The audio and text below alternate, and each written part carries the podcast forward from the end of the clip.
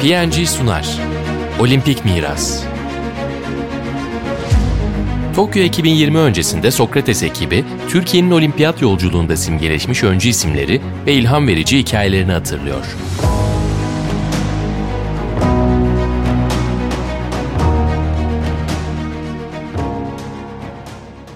Sokrates Podcast'tan herkese merhaba. PNG ile Olimpik Miras'ın yeni bölümüyle karşınızdayız. Ben Furkan Karasoy. Bugün Türkiye'nin olimpik yolculuğunda oldukça anlamlı bir yeri olan ve spor tarihimize konuşmaya, hatırlamaya değer birçok figür armağan eden boksu konuşacağız. Konuğum da boksun uzman isimlerinden Yücel Tuğan. Hoş geldin Yücel. Merhaba Furkan, hoş bulduk. Yücel, öncelikle ben istersen olimpiyatlarda boksun yeriyle başlayabiliriz diye düşündüm. Boks yani 1904 oyunlarından beri olimpiyatların bir parçası. Kadınlarda da son dönemde oyunlara dahil edildi. Sana kalırsa boksun olimpiyatlar için önemi, yeri nedir? Nasıl orayı özetlersin bize?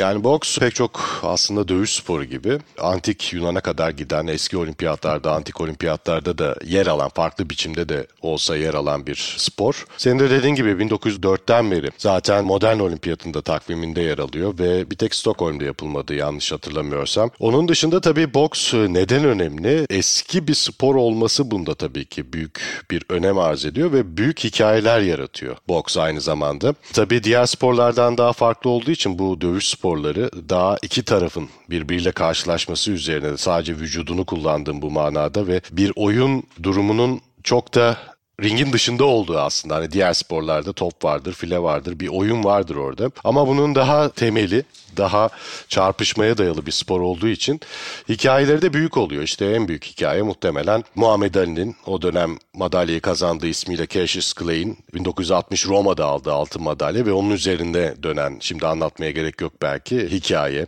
Pek çok önemli boksör de daha sonra profesyonelde dünya şampiyonu olan boksör de zaten olimpiyatta altın madalya alıp oraya geliyor ve hikayesini profesyonelde de olimpiyatta attığı temelle devam ettiriyor.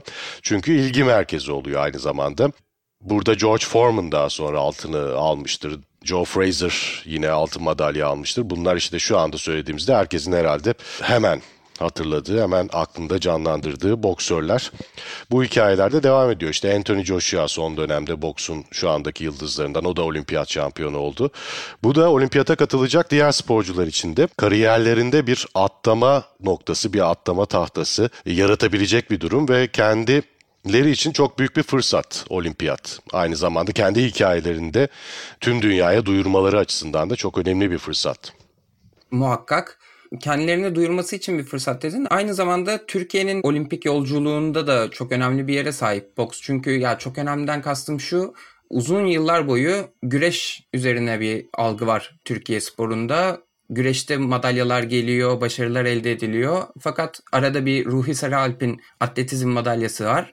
Ancak bu uzun bekleyişin sonlandığı yer 1984 Los Angeles Olimpiyat Oyunları oluyor. 1984'te işte Eyüp Can ve Turgut Aykaç'la gelen madalyalar, 51 kiloda 57 kiloda gelen madalyalarla Türkiye sporu artık başka bir branşta da olimpik madalyasına kavuşuyor. Ve hatta Ruhi Sarıalp'in de o zaman bir yorumu oluyor. Oh nihayet yalnız kalmaktan kurtuldum diyor. evet. Ve burada da Türkiye sporunda önemli bir yere sahip boks. Bu konuda geçmiş madalyalarımıza bakacak olursak ondan sonrasında madalyalar gelmeye devam ediyor olimpiyatlarda Türkiye adına. Boksun olimpiyat özelinde Türkiye sporunda geçmiş başarılarını senden bir duymak isteriz açıkçası.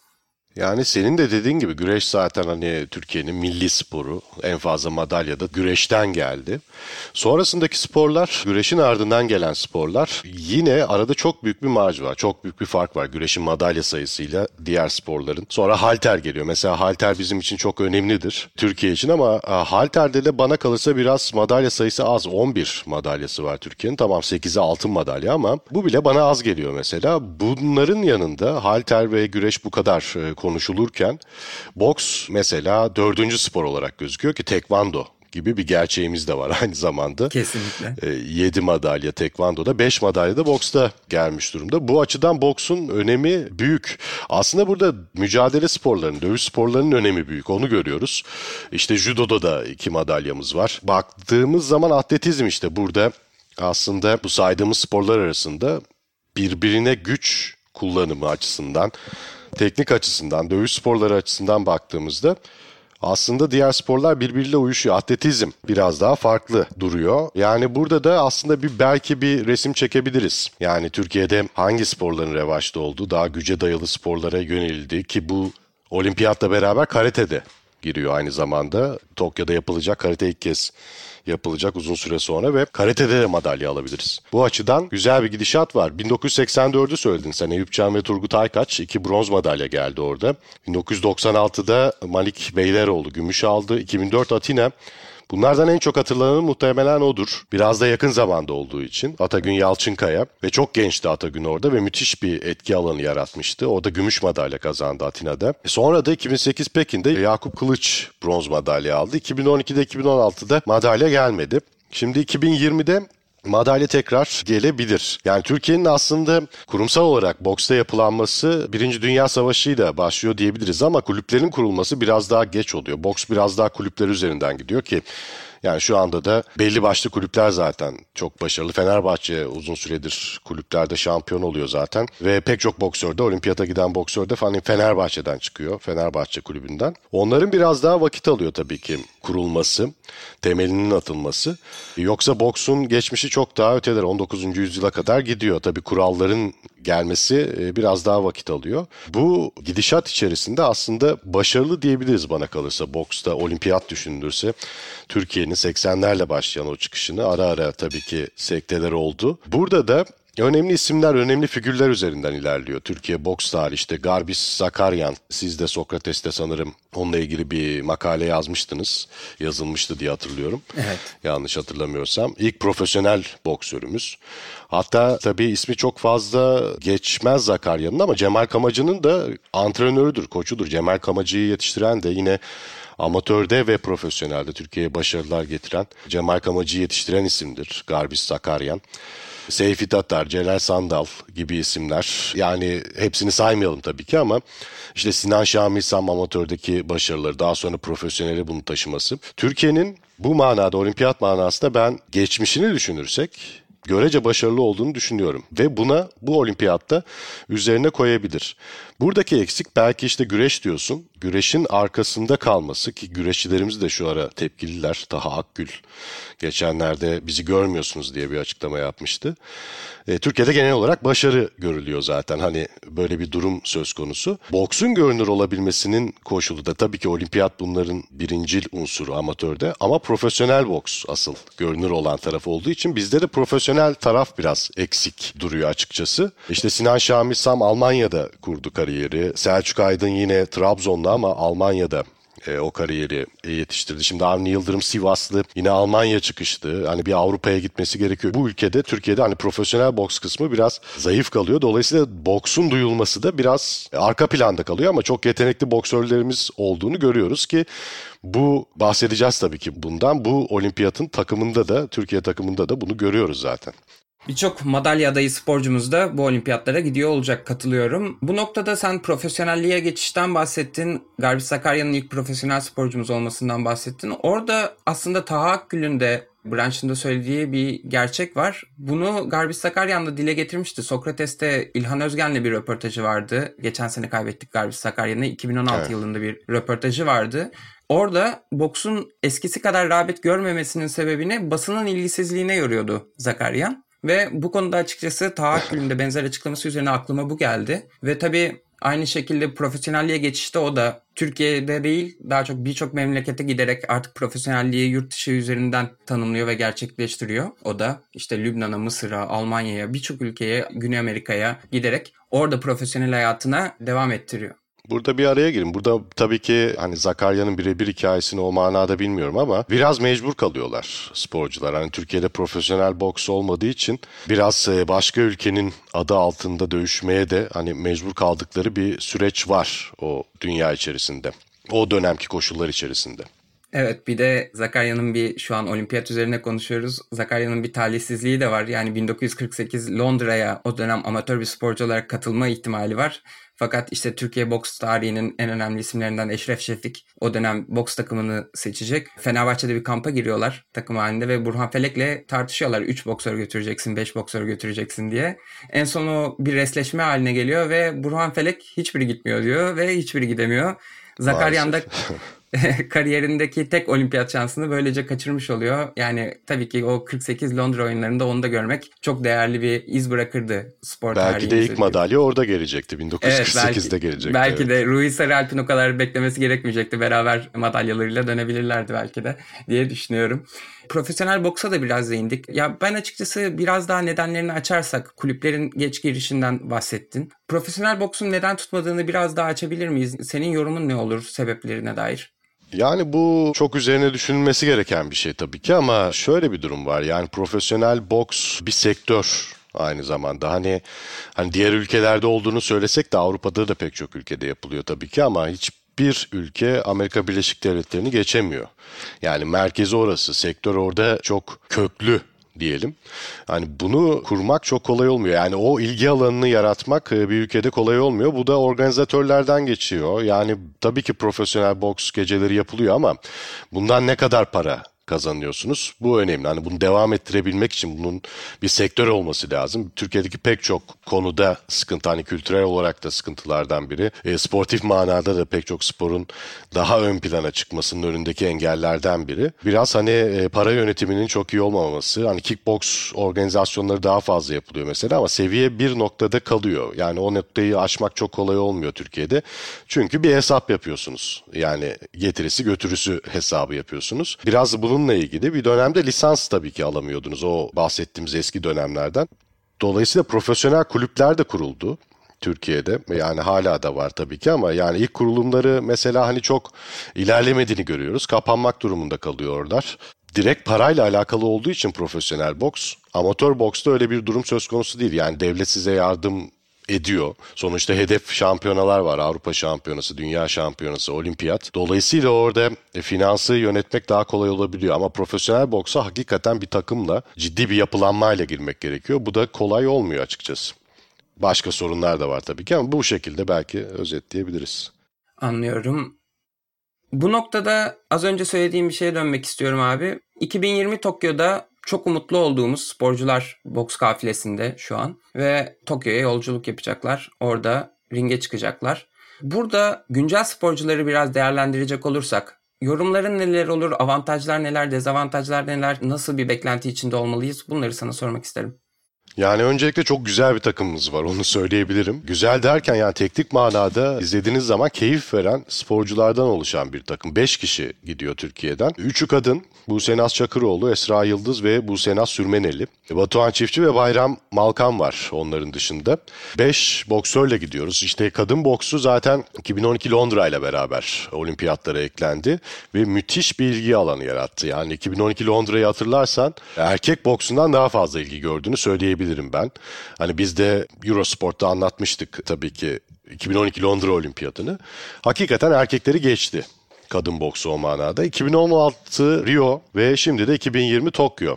Türkiye ilk kez kadınlarla katılıyor olimpiyata ve müthiş boksörlerimiz var. Açıkçası madalya ben bekliyorum. Özellikle bu Senat Sürmeneli'den. Sikleti yeni eklendi. Aslında 3 sikletti. Mesela Olimpiyat IOC'de yine bunu gördü. 3 siklet olan kadın boksunu 5 siklet yaptı. Böyle bir değişime gidildi ve yeni siklette dövüşecek bu Senat Sürmeneli. 23 yaşında Trabzonlu ve muazzam bir boksör bana kalırsa. Yani her türlü açıdan vuruş yapabiliyor. Kombinasyonları muazzam. Kendine güveni müthiş. Ringde görüyorsunuz zaten.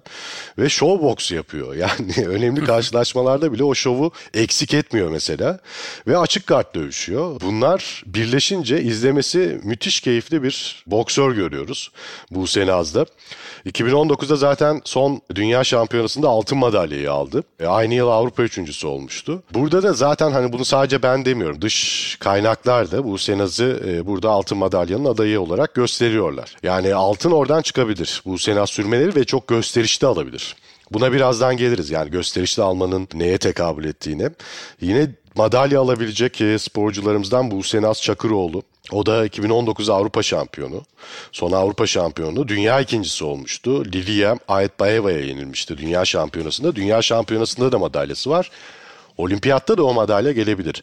Mesela Buse Naz'a Sürmeniye ikisinin de ismi aynı tabii ama Buse Naz Sürmeneli'ye göre Buse Naz Çakıroğlu daha kontracı bir boksör. Yani counter puncher denilen tarzda bir boksör.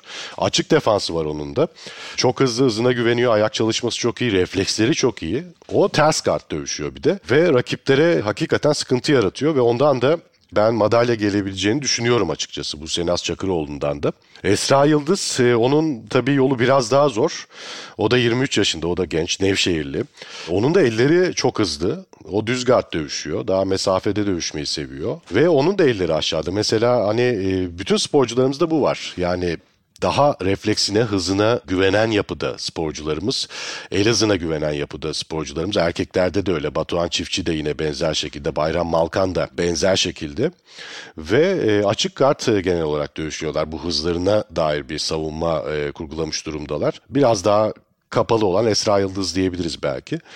Ve e, takım olarak Hani güzel bir takımımız var demiştim. Oraya bağlayayım. Takım olarak çok keyifli boks yaptığımızı söyleyebilirim. Yani sadece başarının olabileceği noktalara değinmek dışında keyif de veren bir takım var şu anda önümüzde keyif veren takım tabii ki oradaki en önemli detay bu olacak. Yani madalya beklentimiz elbette var. Ne kadar yetenekli olduklarından da bahsettin ama bu genç yaşta bu fırsatı yakalayan, olimpiyat havasını soluma fırsatını yakalayan sporcularımızın orada keyif veren ve en önemlisi kendilerinin de keyif alması çok değerli ve kıymetli olduğunu düşünüyorum.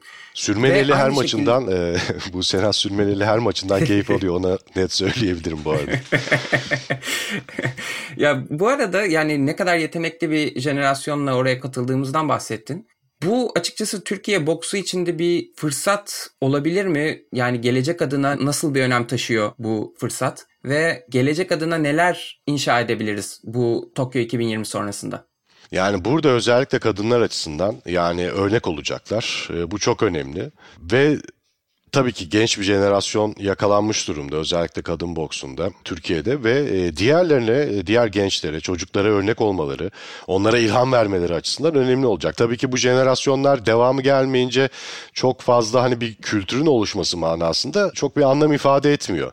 Ama işte burada başarılar gelince nasıl Atagün Yalçınkaya müthiş bir olimpiyat gümüşü almıştı. O başarılar gelince onun arkasından da o ilgi artacağını düşünüyorum. Yani burada aynı zamanda bu geleceğe yatırım dediğin gibi ve yeni olan hani kadın boksu tabii yeni yeni daha gelişiyor, daha güçleniyor diyelim. Sonuçta bu üçüncü olimpiyatı olacak kadınların boksta. Dolayısıyla Türkiye'nin burada kendini ben varım diyeceği, kadın boksunda ben varım diyeceği bir platform aynı zamanda bu. Bu manada da önemli. Hani dünyaya Türkler var olacak gibi bir mesaj verilebilir burada. Bu yetenekli boksörlerimizle. Bu açıdan da bir dünya arenasında da diyelim klasik tabirle yer edinebilmek, dünyanın ilgisini çekmek açısından da önemli olacak. Aynı zamanda bizim çocuklarımızın ilgisini çekmek, onları spora, boksa yöneltmek açısından da çok önemli olacak buradaki olimpiyat bana kalırsa.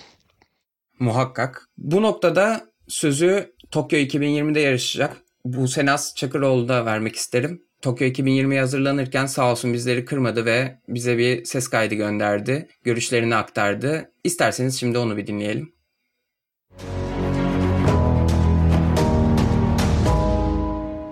Herkese merhaba. Çok ufak yaşlarda başlayan kariyer yolculuğuma şu anda olimpiyatlara hazırlanarak devam ediyorum. Hayallerime yaklaşırken yaşadığım her zorlukta yanımda olan ve beni imkansız gördüğüm her şeye inandıran insan hep annem oldu. En zor dönemlerimde onunla birlikte güçlenip büyük başarılar elde ettim. Hayatımızın her anına dokunan ve gelişebilmemiz için çok büyük çaba sarf eden bütün annelerimize minnettarım.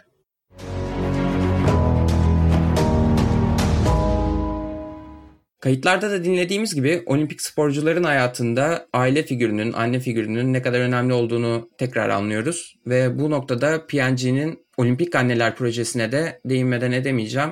Bir sürü fedakarlık ve sporcuların yetişmesi için yapılan yıllarca harcanan emekler Tokyo 2020'de umarım meyvesini verecek. Ve bu noktada açıkçası bu Senas Çakıroğlu'nun da Cihat Gemici ile Sokrates dergi için yaptığı röportajda bir sözü vardı Orada işte toplumda kadınlar boks yapar mı algısı var onu yıkmaya uğraşıyoruz diyordu ve bütün bunlarla o dönem annesinin mücadele ettiğini, kimseye söz hakkı tanımadığını ve ona güvendiğinden bahsediyordu.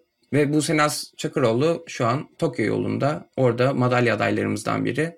Ve bu da kadınlar boksu için önemli bir detay. Sen bu konuda neler söylemek istersin? Yani orada toplumun altını çizdin. Yani herkesle savaşması, e, kadınların bunu göstermesi. Hani bizim bunu dışarıdan söylememiz erkek olarak diyelim. Çok bir anlam ifade etmeyebilir. Etmiyor bana kalırsa. Yani kadınların bunu savaşarak kazanması önemli. Bu manada annesinin Hani ben hikayesini tam bilmiyorum ama annesi bu kez bu şekilde herkesin karşısında durduysa ben de e, takdir ediyorum kendisini. Ve bu kadınlar Burada tabii Bayram Malkan ve Batuhan Çiftçi'den de çok bahsetmedik. Yani onların yolu zor diye birazdan belki eşleşmelerden bahsederiz. Ama bu kadınlar hakikaten hani boksta madalya getirecekler ve bir süredir biz başarılı olamıyoruz ve kadınlardan gelecek bu madalya. Yani gücün ön planda olduğu, yumruk atmanın ön planda olduğu, mücadele etmenin ön planda olduğu bir spordan kadınlardan madalyalar gelecek umarım. Yani burada bir hayal kurarak bunu söylemiyorum açıkçası. Gerçekçi baktığımda buradan madalya çıkması gerekiyor açıkçası. O şekilde söylüyorum. Bu da bu Senaz'ın annesinin söylediğini kendileri de bir şekilde gerçekleştirilecekler diyor ve bu da güzel bir mesaj içeriyor bana kalırsa. Şuna da geleyim yani bir dövüşçü hakikaten tek başına ringde var olan bir yapısı var tabii ki bir dövüşçünün ve dolayısıyla ringin dışında ona çok büyük destek olunması gerekiyor. Yani tek başına bu yolu giden pek çok dövüşçü de var.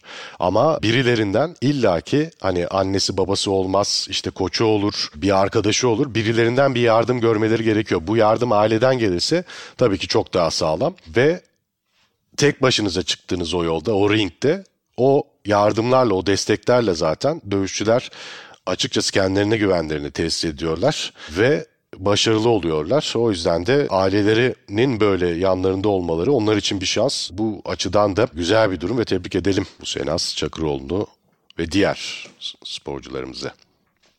Kesinlikle. Bu noktada ben de topu biraz erkekler tarafına atmak istiyorum. Erkeklerde eşleşmeler üzerinden konuşuruz demiştin. O konuda senin yorumların neler olur? Orada madalya şansımızı nasıl görüyorsun veya işte olimpiyatta nasıl bir tecrübe edinebiliriz orada? Yani e, madalya şansını biraz daha zor görüyorum. Tabii ki her şey olabilir bu dövüş sporları. Batuhan Çiftçi işte Snake Sklet'te dövüşecek. Geçen yıl olimpiyat biletini almıştı Londra'da. Yani o da düz gat, elleri aşağıda hızlı orta mesafeli ve mesafede dövüşmeyi seven bir isim. Onun sikletinde tabii olimpiyat şampiyonu ve dünya şampiyonu Shohobidin Zoyrov vizeyi aldı. Yani o burada dövüşecek. E onun dışında da yine yetenekli isimler var. Bayram Malkan hafif ağır sikletle dövüşecek. O da enteresan bir durum var tabii ki. Onu da belirtelim istersen Furkan. Ee, IOC box iş gücü tarafından listeye alındı. Onlar bir sıralama yaptılar. Nedir bu? İngilizcesini söylersek IOC Boxing Task Force denilen şey e, AIBA'nın içerisinde tabii yıllar içerisinde görülen bir yozlaşma söz konusu. 2016 Rio Olimpiyatında da yani hakem hataları skandal olmuştu artık ve dolayısıyla IOC müdahale etti buna. 2016 Rio'da hakemlik yapan herhangi biri Tokyo'da hakemlik yapamayacak ve AIBA'dan yönetici kurum statüsünü aldı. AIBA işte boksun e, uluslararası organizasyonu. Ondan aldı ve Boxing Task Force diye, boks iş gücü diye diyelim. Böyle bir yapı kurdu ve bu yapı yönetecek. Dolayısıyla boks, amatör boksta özellikle bu hakem kararları rezalet diyeceğim artık. Rezaletlerini görürüz biz. Ve bu olimpiyat bu manada da daha adil, daha temiz olacak bana kalırsa. İşte o IOC'nin Boxing Task Force listesine göre Bayram Malkan olimpiyat kotasını aldı. Onun sikleti daha da sıkıntılı. Dünya şampiyonu Besat Nudaletov orada. Yine Rio'da olimpiyat şampiyonu olan, orta siklette olimpiyat şampiyonu olan Arlen Lopez burada siklet yükseltiyor. Dolayısıyla biraz daha sıkışık bisiklette mücadele edecek. Dolayısıyla erkeklerin işi kadınlara göre biraz daha zor bana kalırsa bu olimpiyatta. Kadınlardan da bahsedeyim istersen biraz. Elbette. E, yani bu Senaz Çakıroğlu dünya ikincisi olurken 2019'da Lilia Ayetbayeva'ya yenilmişti finalde. Ee, onun bir avantajı da Ayetbayeva kota alamadı. Burada yer almıyor. Yani tabii ki yenebilirdi. Avantaj dememin sebebi hani sikletin bisikletten önemli bir ismin eksilmesi demek bu tabii ki. Ama horoz sikletin, bir bisikletin şampiyonu Huang Xiaowen bu siklete iniyor. Böyle bir sıkıntı var. Olimpiyat şampiyonu horoz sikletin. E, dünya şampiyonu özür dilerim. Ve bir avantaj da Nicola Adams buraya katılmıyor. Yani son iki olimpiyatın şampiyonu burada yer almıyor. Ve buradan Esra Yıldız'a geçersek orada dünya şampiyonu Beatriz Ferreira geliyor. Yine o da mücadele edecek. E, son olimpiyat şampiyonu Estel Moselli profesyonel oldu katılmıyor buraya. Buse Naz'ın bisikletinde bir numara Buse Naz olarak gözüküyor. İlk kez yapıldığı için bu bisiklette. Olimpiyata dahil olduğu için. Buradan tabii az önce şu ismi andım. Nicola Adams. İşte 2012 Londra Olimpiyatı yapıldığında Nicola Adams, Katie Taylor ve Clarissa Shields. Bunlar büyük yıldızlar olmuştu. Altınları toplamıştı bu üç isim. Ve dünya çapında yıldız oldular. Buradaki e, fırsat dediğim şey bu. Yani bu Senaz Çakıroğlu da, bu Senaz Sürmeneli de, Esra Yıldız da bu yıldız statüsüne ulaşabilirler.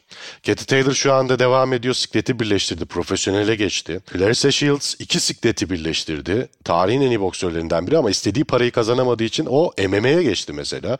Farklı bir dövüş stiline. Hani bu açıdan da ben e, bakışların açık olmasını isterim e, sporcularımızda. Bunun dışında Nicola Adams da bir süre bekledi. Sonra profesyonele geçti o da. O da profesyonel olarak boks yapıyor. Yani bizde profesyonel boksör e, çok fazla yok diyoruz. Bu açıdan da ilgi merkezi oluşturabilirler Türkiye'de. Yani amatörde burada olimpiyat şampiyonu ya da olimpiyat madalyası alıp profesyonelde de Türkiye'yi yani Türk halkını diyeyim özellikle Türkiye'deki insanları boksa çekebilirler. Çünkü bunun işte örneklerini saydım. Bu isimler az önce saydığım isimler süper yıldızlar. Hatta başka bir spora da geçebilirler. MMA düşüncesi de bence akıllarda olsun. Hani ben MMA'yi anlatıyorum diye belki biraz oraya kayıyorum ama daha çok para kadınlarda maalesef gene bir fırsat eşitsizliği var. Profesyonel boksta da erkekler daha fazla para kazanıyor. Clarissa Shields bir manada o yüzden MMA'ye geçti. O yüzden MMA'yi zikretmemin sebeplerinden biri de bu. Peki Tokyo'da umuyorum ki beklentilerimizin de ötesinde geçen bir macera olur ve umarım madalyalarla ülkeye döner sporcularımız ve bu bahsettiğimiz Türkiye boks kültürüne gelecek adına müthiş bir katkı olur. Keyifli sohbet için çok teşekkür ederim Yücel. Ben Ağzına teşekkür sağlık. ederim Furkan. PNG ile Olimpik Miras'ın boks bölümünün sonuna geldik. Dinlediğiniz için çok teşekkürler. Görüşmek üzere. Hoşçakalın. Hoşçakalın. PNG'nin sunduğu Olimpik Miras sona erdi.